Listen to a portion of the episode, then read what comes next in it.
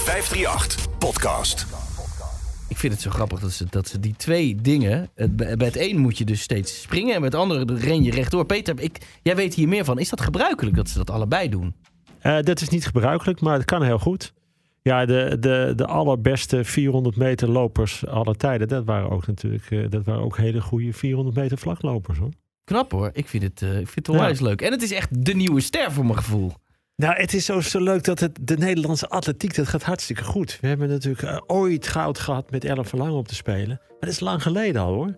Maar nu zit er weer van alles aan te komen. Ja, het, het, het leeft enorm in Nederland. Het borrelt. De atletiek borrelt in Nederland. En we gaan gewoon uh, ja, uh, een rol van betekenis spelen op de Olympische Spelen. En Femke Bol, degene die we zo gaan spreken, is daar één van. Die nou, gaat, en die je leest er continu over, zo leuk. Ja, dat, ik, ik ga eventjes een, een kort inleidende speech houden. En dan, dan gaan we aan de slag. Ja, toch? Dit is Let's Go Tokyo, een podcastserie van de 538 Ochtendshow. In deze podcast spreken Jelte van der Groot en Peter Heerschop met sporters, coaches en stafleden voor ze naar Tokio afreizen voor de Olympische Spelen. Let's go Tokio! Femke Bol, beroep topatleet. Nederlands recordhouder 400 meter en 400 meter horde. En een belangrijk deel van de 4 keer 400 meter estafetteploeg. Ze is snel, heel snel. En ze wordt steeds sneller. In haar laatste wedstrijden liep ze iedere keer weer een nieuw Nederlands record.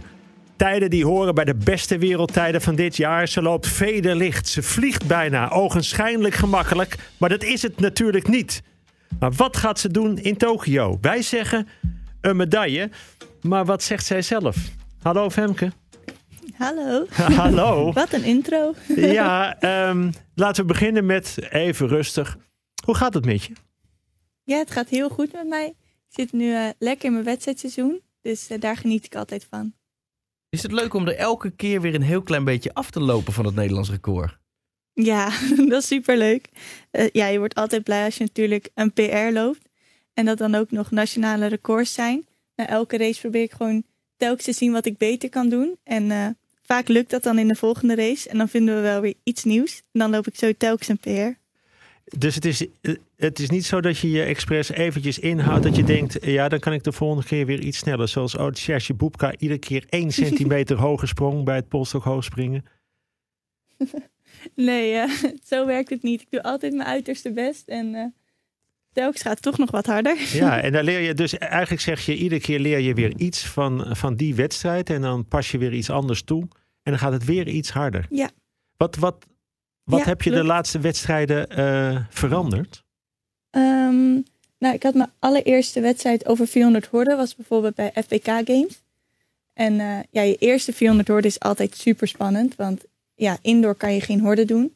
Dus uh, ja, dat is altijd, doe je het al een half jaar lang niet meer op wedstrijden. En uh, daar maakte ik best wel een paar foutjes in het eerste stuk. Als in dat ik niet zo efficiënt ging, zoals wij het zeggen. Dus ik wat dribbeltjes deed. En uh, mijn laatste 200 kwam ik helemaal niet uit bij mijn hordes. Dus heb ik eens goed met mijn coach bekeken van wat kan ik beter doen? Hoe ga ik dit aanpassen? En uh, toen liep ik in Florence bijna een seconde harder. Een paar dribbeltjes ertussen. Want hoeveel, hoeveel passen doe je tussen de horden? Uh, ik doe eigenlijk altijd 15 passen. Altijd? Dus ook bij, bij alle hordes? Niet... been kan aanvallen. Je, je hebt niet op de laatste jawel, twee hordes 16 einde. of 17? Uh, jawel, ik wissel vorig jaar wisselde ik altijd bij de laatste twee naar 16 pas. Omdat je dan gewoon vermoeid raakt. Dus het lukt dan niet meer. Maar we, gaan, ja, we proberen dit jaar om 15 tot het einde te kunnen. En nu in Florence kon ik tot horde 9, 15 pas. Wat is de aantrekkingskracht van die horde? Waarom wil je, ik snap dat je kijk, dat, dat hardlopen doet, maar dan kun je een half seizoen mag je er ook bij springen. Waarom, waarom wil je dat zo graag? Springen? Het is lopen. Ja, je lopen met een, met een sprong. Ja. Het is ja, sorry, hordelopen, het is toch geen hordespringen? hordespringen, Ja. Ik spring af en toe, maar het is de bedoeling dat het hordelopen is. nee, uh, ja, het maakt gewoon echt de race nog leuker, vind ik. 400 meter is een zwaar onderdeel. Je krijgt natuurlijk te maken met verzuring. Ja, de laatste 150, 100 meter, dus je benen willen niet meer. En bij horden moet je dan eigenlijk tijdens dat moment ook nog heel alert blijven. En ja, je moet nog steeds durven over die hordes te gaan ze echt aan te vallen. En ja, je moet zo goed erbij zijn met je hoofd eigenlijk. Dat het is niet gewoon als een gek rennen. Niet dat een 400 meter zo makkelijk is. Maar ja, je moet nog beter nadenken over de hordes en of je uitkomt. En ritme tussen de hordes doen. En ja, dat vliegen over de hordes vind ik iets heel moois. Femke, je zegt een horde aanvallen. Hoe val je een horde aan? Uh, nou, je hebt eigenlijk dan eerst je opzwaai Dus je gaat naar de horde toe en met één been ga je eigenlijk recht naar voren om over de horde te gaan. En dan heb je een bijtrekbeen, dat is je tweede been. En die doe je eigenlijk scheef een beetje. En dan moet je er op die manier overheen komen. Het is wel moeilijk uit te leggen zonder nee, ja, ik, uh, ik, ik vind het een schitterend onderdeel, want je scheert echt over zo'n horde. Ja, klopt. Ja, je gaat er eigenlijk zo laag mogelijk overheen. Want je wil natuurlijk zo min mogelijk tijd verliezen. Ja. Maar je moet ze ook weer niet raken. Nee, maar er zijn sommige mensen hier die denken dat je, dat je eroverheen springt. Die noemen het springen. Ja, en, en, en, en ik noem het vliegen en scheren. ja, wat, wat, voor, wat voor loopster ben jij? Want ik, ik, ik begrijp dat je echt een flyer bent. Een hele lichte loopster. Kun je dat zelf omschrijven? Wat voor loopster jij jezelf vindt? Het is wel grappig, want Ehm, jij noemt me flyer. En uh, in onze trainingsgroep hebben onze coaches hebben flyers en diesels noemen ze dat. En nou, ik snap wat je bedoelt met flyers, in dat ik best wel licht en gemakkelijk loop. Maar toch ben ik een diesel, noemen ze me altijd. Omdat mijn eindstuk is heel goed meestal. Omdat ja, mijn uithouding moet ik het echt van hebben. Dus ik loop eigenlijk best wel soepel het eerste stuk. Waardoor ik het op het einde ook nog echt wel veel over heb. En goed met de verzuring kan omgaan. Hey, en als je dan toch zo, uh, zoveel over hebt. Waarom doe je dan mhm. niet de 800? Als je toch bezig bent? Omdat ik na één rondje echt klaar ben. dan heb ik het echt gehad. hoe, hoe, hoe, ga je om met jouw uh, ja, toch uh, relatief nieuwe roem? Je bent ineens iemand die iedereen kent. Iedereen kijkt naar jou. Iedereen houdt jou in de gaten. Hoe vind je dat? Ja, en eens mag ik op Radio 538. ja, dat, dat ja. wennen allemaal. nee, ja, ik vind het wel heel leuk dat mensen het ja, eigenlijk ook zo waarderen wat je doet. Want ik werk er natuurlijk heel hard voor om zo hard te lopen. En ja, dat mensen daar ook naar kijken en jongere kinderen het ook als inspiratie zien. Dat vind ik wel echt iets heel moois en leuks. Nou, laten we eens even kijken dan. Uh, want, je zegt hoeveel je ervoor doet. Wat, wat doe je er allemaal voor? Wat, wat, hoe, hoe hard train je? Hoe zien die trainingsdagen eruit? En, en hoe is het nu in aanloop naar de Spelen? Um, nou ja, ik train natuurlijk uh, zes dagen in de week. Alleen op zondag heb ik een rustdag. En dan uh, elke dag eigenlijk wel een looptraining en dan soms een krachttraining er ook nog bij. En eigenlijk ben je elke dag bezig met ja, alle punten verbeteren. Dus de ene dag doe ik snelheid, dan ga ik uit startblok, dan ga ik over techniek, dan heb ik tempo's, dus waar ik helemaal uh, kapot moet gaan in trainingen. Maar daarnaast ben je natuurlijk tijdens al die harde trainingen ook constant bezig met je herstel. Als in, ik let altijd op mijn slaap, dat ik rond tien uur naar bed ga, dat ik vroeg opsta. En ja, het ding is wel, in de winter leg je echt je basis. Dus dan trainen we heel veel, heel veel lopen bijvoorbeeld. En eigenlijk wordt het nu we zo richting Tokio gaan, moet je wat meer uitgerust raken. Dus zoals mijn coach altijd zegt, gaat de kwaliteit omhoog, maar de kwantiteit omlaag. Dus ik heb nu meer echt sessies waar ik echt heel hard een 300 of uh, ja, 300 hoorden moet. Of ja, allemaal zulke soort dingen. Maar eigenlijk train ik iets minder. Maar wat ik doe is gewoon nu heel hard. ja, korter, korter en heftiger.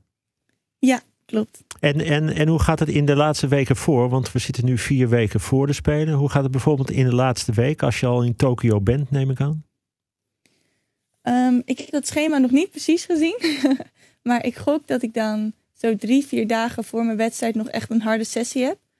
En uh, daarnaast eigenlijk meer gewoon losmaken en zorgen dat je scherp bent.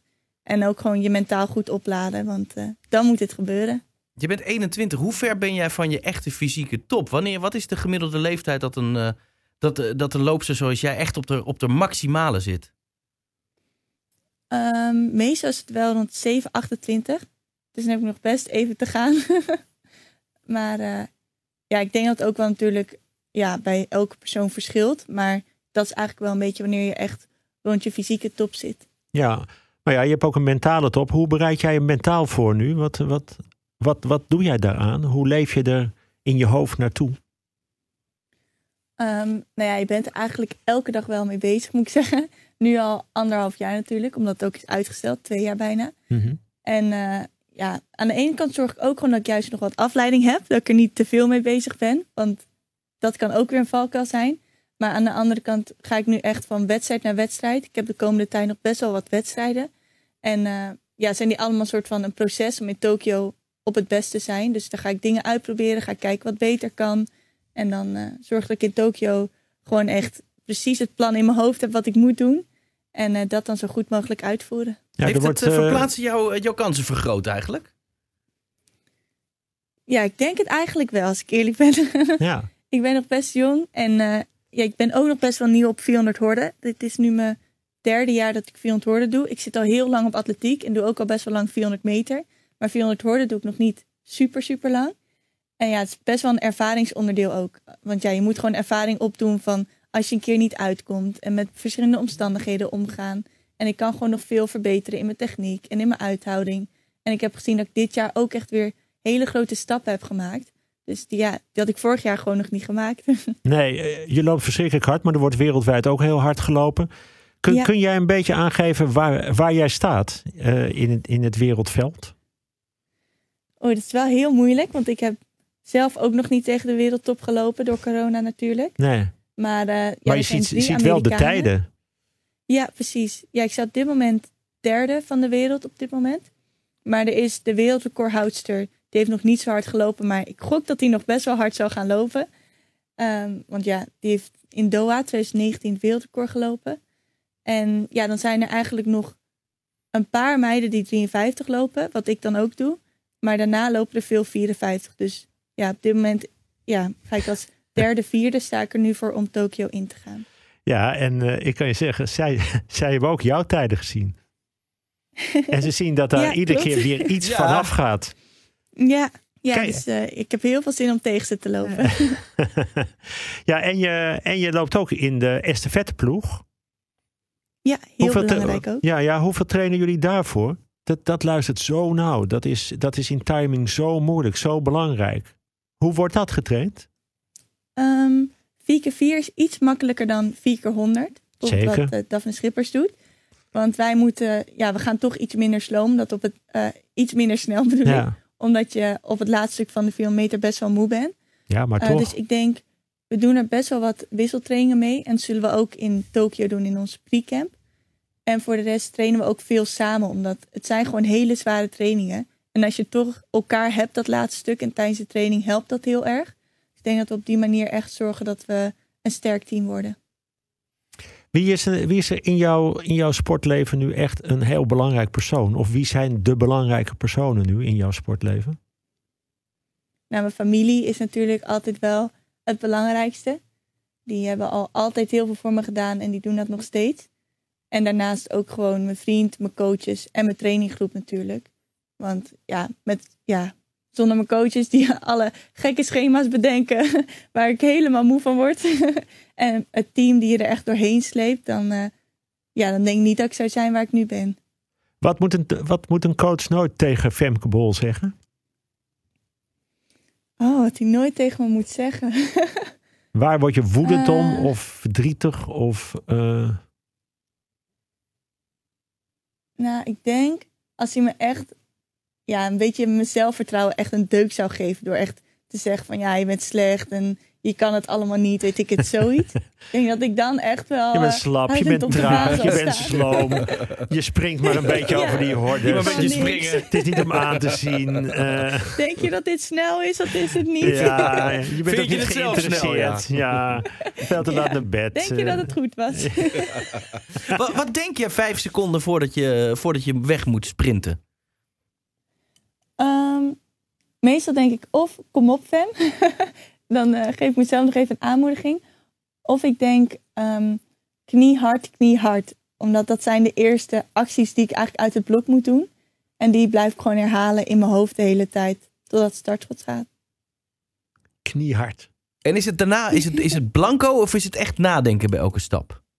Ehm, het gaat eigenlijk wel vanzelf. Ik, want van tevoren, ik heb altijd een plan staan. En dan schrijf ik heel goed in wat ik rond elke horde wil doen.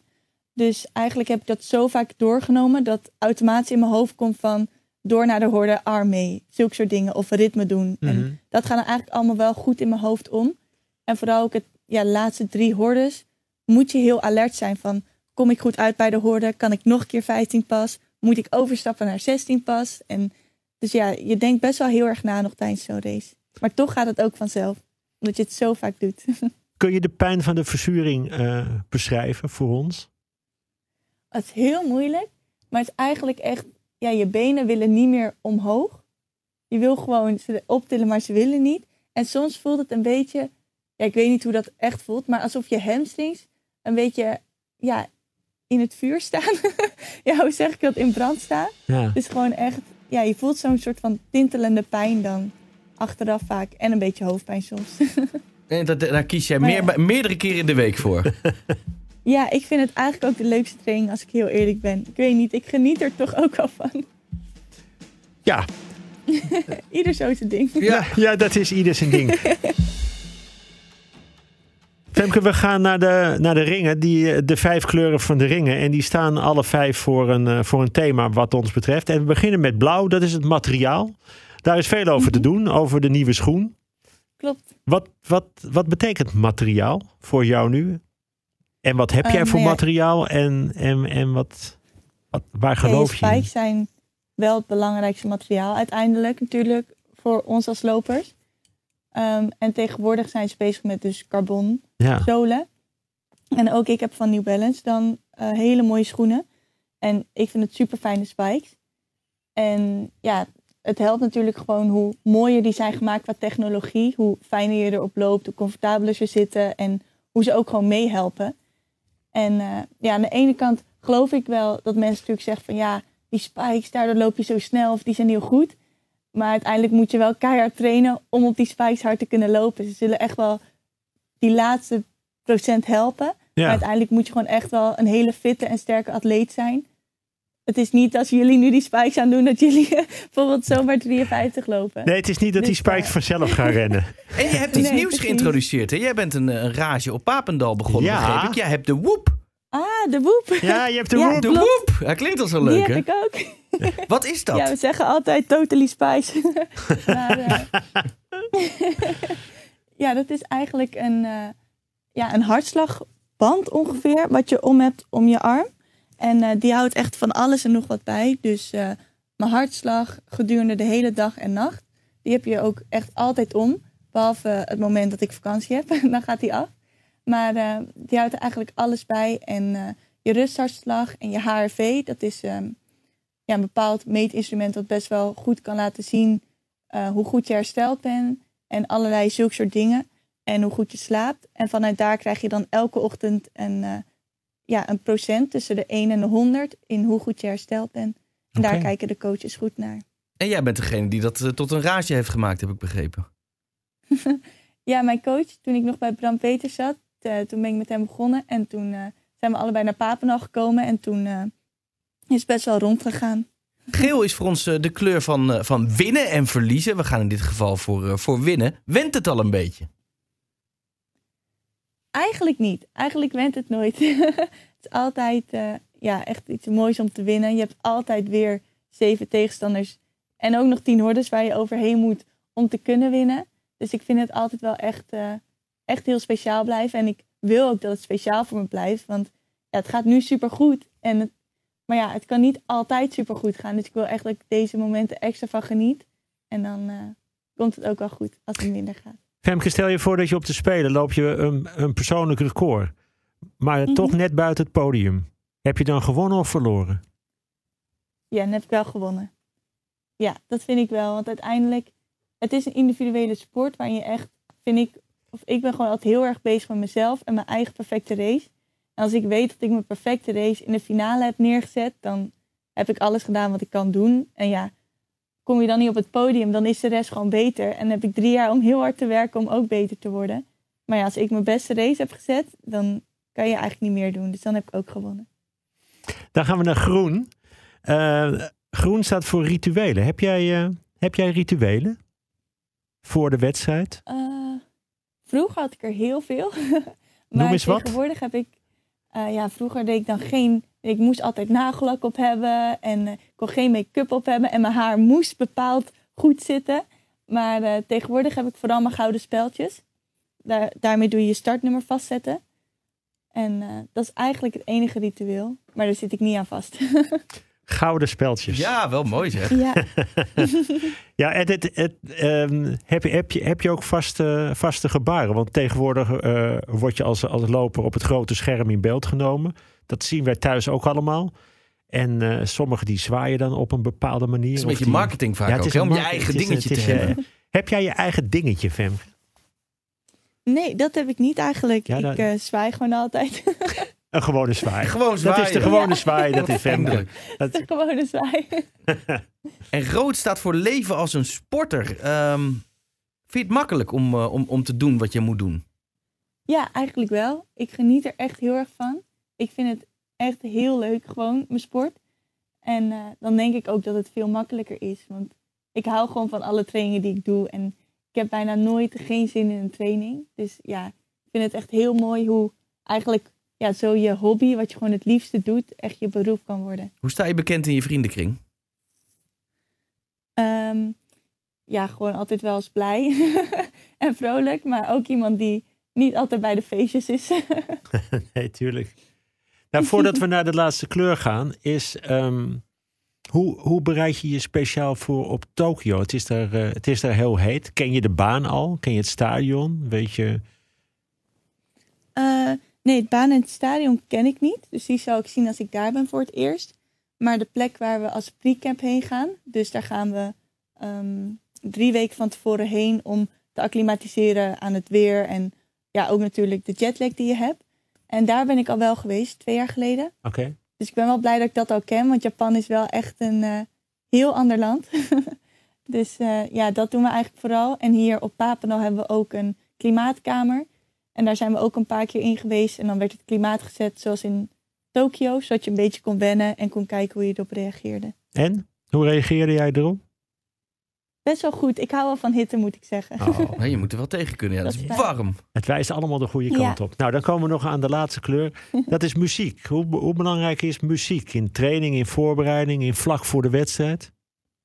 Ehm, vlak voor de wedstrijd doe ik eigenlijk pas sinds kort af en toe wat muziek luisteren.